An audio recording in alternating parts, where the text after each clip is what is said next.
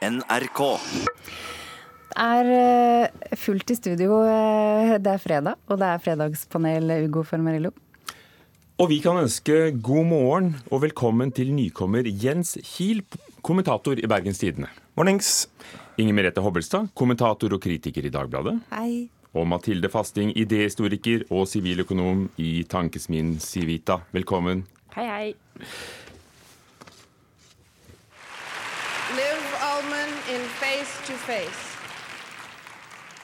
Liv Ullmann er eneste norske skuespiller som er nominert til Oscar som beste hovedrolle. Hun har vunnet Golden Globe, og denne uken, altså sist søndag, fylte hun 80 år og ble feiret. Regidebuten hennes kom i 1982, og siden da har hun også vært regissør for mange filmer, mange teaterstykker, fra Riksteatret til London og New York. I mange år var hun et stort, ja, et av de aller største navnene utenlands, og likevel, i 25 år, fikk hun ingen jobbtilbud her hjemme. Ditt sikreste forsvarsverk mot janteloven er individualisme og egne tanker og selvstendige holdninger. Her fra et radiokåseri i 1984 om janteloven. Og vårt spørsmål til panelet er ble Liv Ullmann selv utsatt for janteloven, Jens Kiel? Ja, men nei. Inger Merete Hobbelstad. Ja, på et vis. Mathilde Fasting. Ja. Hvorfor tar du ut forbehold, Jens? Altså, det er, jo, det er jo sant som du sier, at hun sto uten eh, jobbtilbud i mange år. Og det er klart når hun selv sier at hun er utsatt for janteloven, så er hun jo på et vis utsatt for janteloven. Sånn fungerer jo den lovteksten. Men hun har jo også f.eks. vært eh, programleder under åpningen av Lillehammer-OL, som vel er de tre minst jantete timene som har skjedd i norsk historie.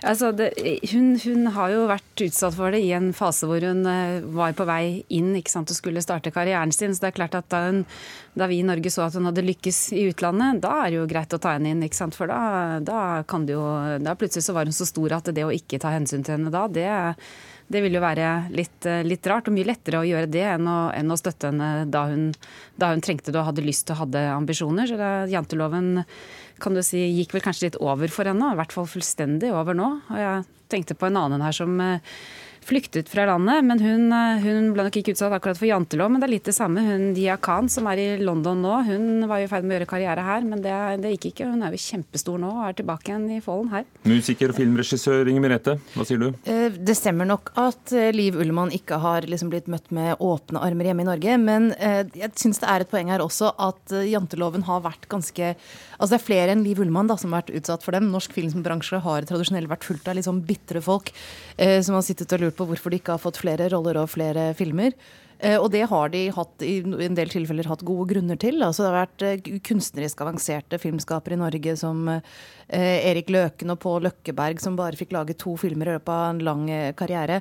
Så det har iblant vært litt manglende vilje og teft til å satse på eh, filmskapere og skuespillere som det. Og det som også er med Liv Ullmann, er at hun er en veldig spesifikk skuespiller. Hun har eh, altså hun er jo, I Bergman-filmen er hun jo fantastisk, ikke sant? og en del andre filmer der der er regissører hun har et godt samarbeid med.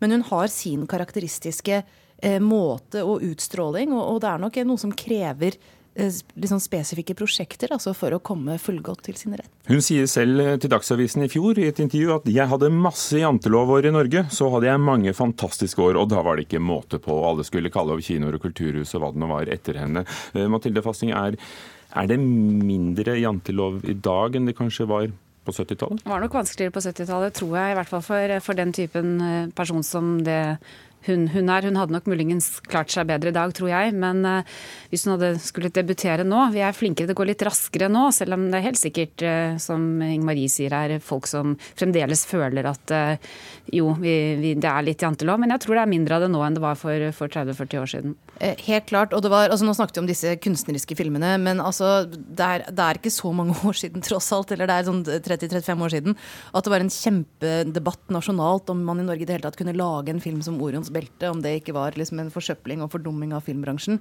Altså Den der tanken om hva en norsk film skulle være, var veldig sterk og til dels ganske snever. Eh, og det har jo Liv Ullmann litt under, og som sagt, det er det andre som har også. Inger Merete og, og Jens Kiel, dere sitter begge i Bergen, så dere får bare kaste dere på.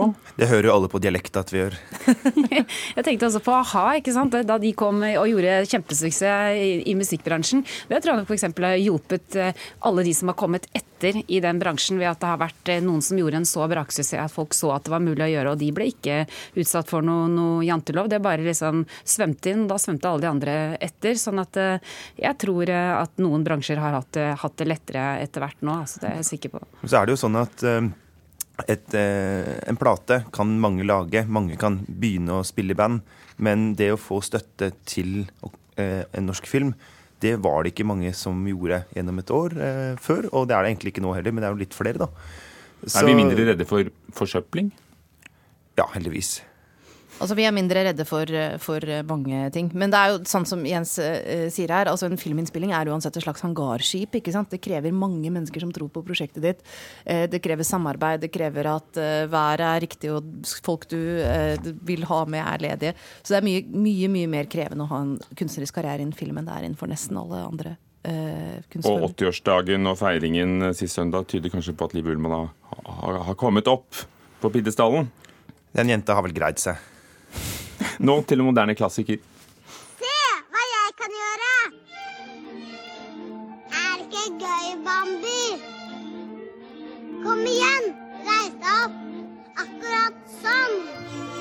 Nyheten gikk verden rundt, som litt overraskende og artige nyheter ofte gjør, om at en domstol i USA har idømt en snikskytter å se tegnefilmen Bambi én gang i måneden i løpet av et år, som han må sone i fengsel. Historien er, for den som ikke husker det, at Bambis mor skytes av krypskyttere, og han får hjelp av de andre dyrene i skogen til å klare seg bl.a.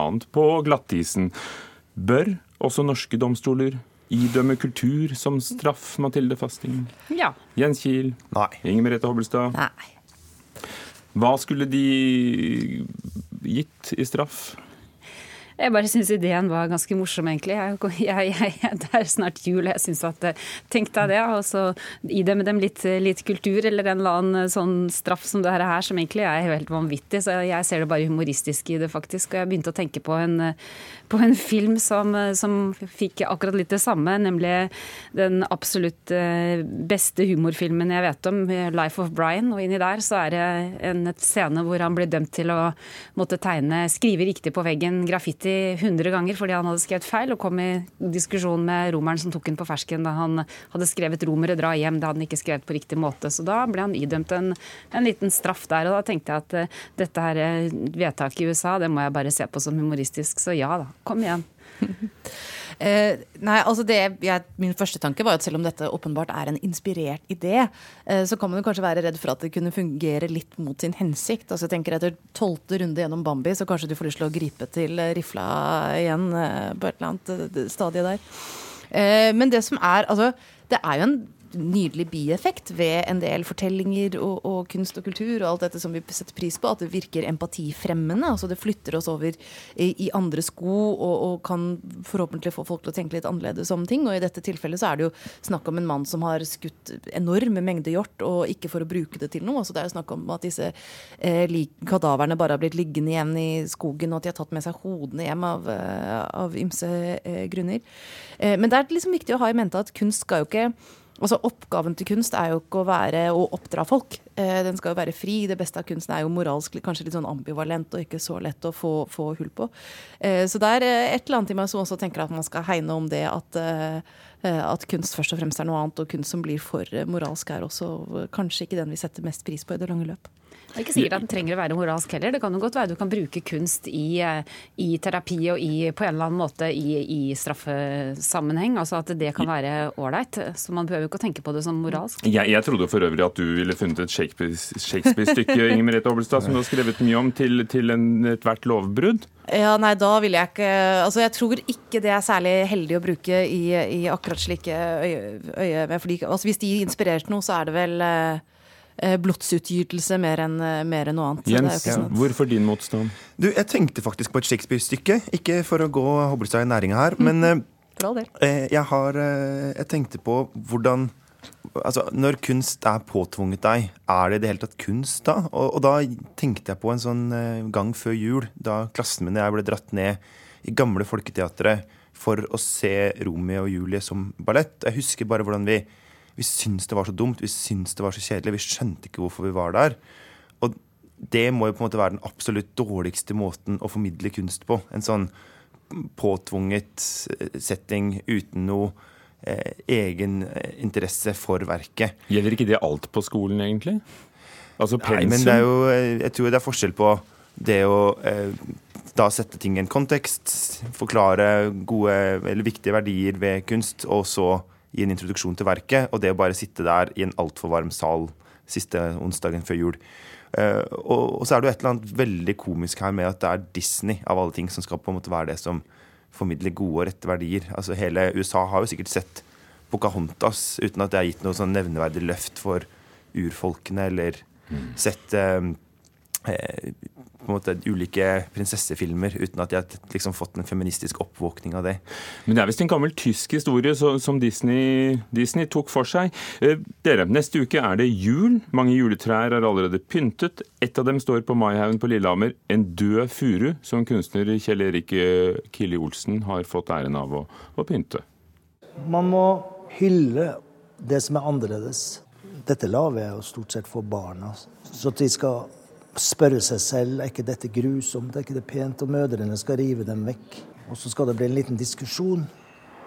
Og når man ikke er perfekt, så blir man jo ikke helt likt. Og de fleste av oss kjenner oss igjen. Så det, det er vel det det handler om. Styggvakkert juletre, er det en god idé, Jens? Det er en veldig god idé. Inger Merete? Ja. Mathilde Fasting? Ja da. Er det det, altså? Men tradisjonene, da?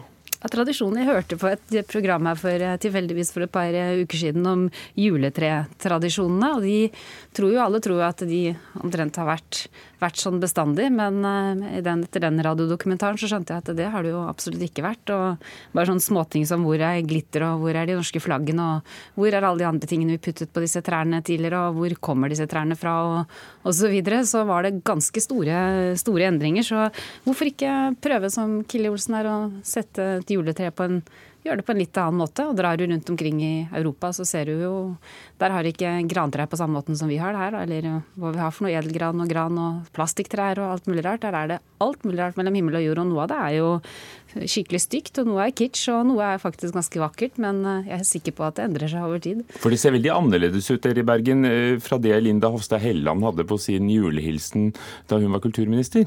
Ja, og nettopp derfor, ikke sant. Fordi altså, et juletre og et pyntet juletre er jo så jule, er et juleikon på et vis. ikke sant? Altså Man trenger veldig få riss av en blyant før du ser at det er et jul, pyntet juletre. Og nettopp fordi dette bildet av treet er så etablert, at det er så umiddelbart gjenkjennelig, så åpner jo det for at man kan tøye det litt. Eh, at man kan ta de forskjellige retninger og spille på dette, eh, dette med alle assosiasjonene som er knyttet til et juletre. Eh, så det at man leker med den formen og ser hva annet det kan brukes til enn en akkurat det å dynges ned med nisser. Og jeg er veldig for å dynge ned juletre med nisser, altså, men at det er en form som åpner for noe mer og spennende, det, det er det jo. Det er jo sånn at jeg tror alle juletrær stort sett er ganske styggvakre. De har det jo ved seg at de eh, Iallfall mitt juletre da, er stort sett pynta av det som mine søsken dro hjem fra barnehagen. Og eh, ingen av de tror jeg kommer til å bli kunsthåndverkere, for å si det sånn. Og det tenker jeg liksom er litt av sjarmen. Eh, og så kan man jo bare Folk får nå gjøre som de vil. Eh, og dette er jo et kunstverk som har som mål å, å skape en eh, diskusjon og skape en refleksjon. Eh, og jeg tenker jo at nettopp hvis du skal nå unger, da, sånn som kunstneren her vil, så det å ta tak i noe som er velkjent, altså en kontekst som ungene selv kjenner, og så dytte og vri litt på det, det er vel helt supert. Ja, for De ser jo at det er et tre, ikke sant? selv om det er, eh, det er jul. Og man skjønner jo med en gang hva det, hva det handler om, egentlig. Så det er, ikke noe, det er jo egentlig som han da gjør, henger opp små figurer og kan... Ser du for deg at dette vil slå an i, i, Nei, jeg, det, i mange hjem? Jeg tror ikke det slår an i mange hjem. Tror ikke det. Ikke ennå, i hvert fall. Nei, men det, det trenger du Trenger ikke å gjøre, ikke. på en måte. Altså, dette er jo ting som altså, viser seg at også dette treet kan brukes i andre sammenhenger. Da. Det kan brukes for å stimulere til noe mer enn sånn å Dere. gjøre rommet ditt klart, eh, klart Takk skal til- dere ha. Inger Merete Hobbelstad, Jens Kiel, Mathilde Fasting, Fredagspanelet her i Kulturnytt i Nyhetsmorgen.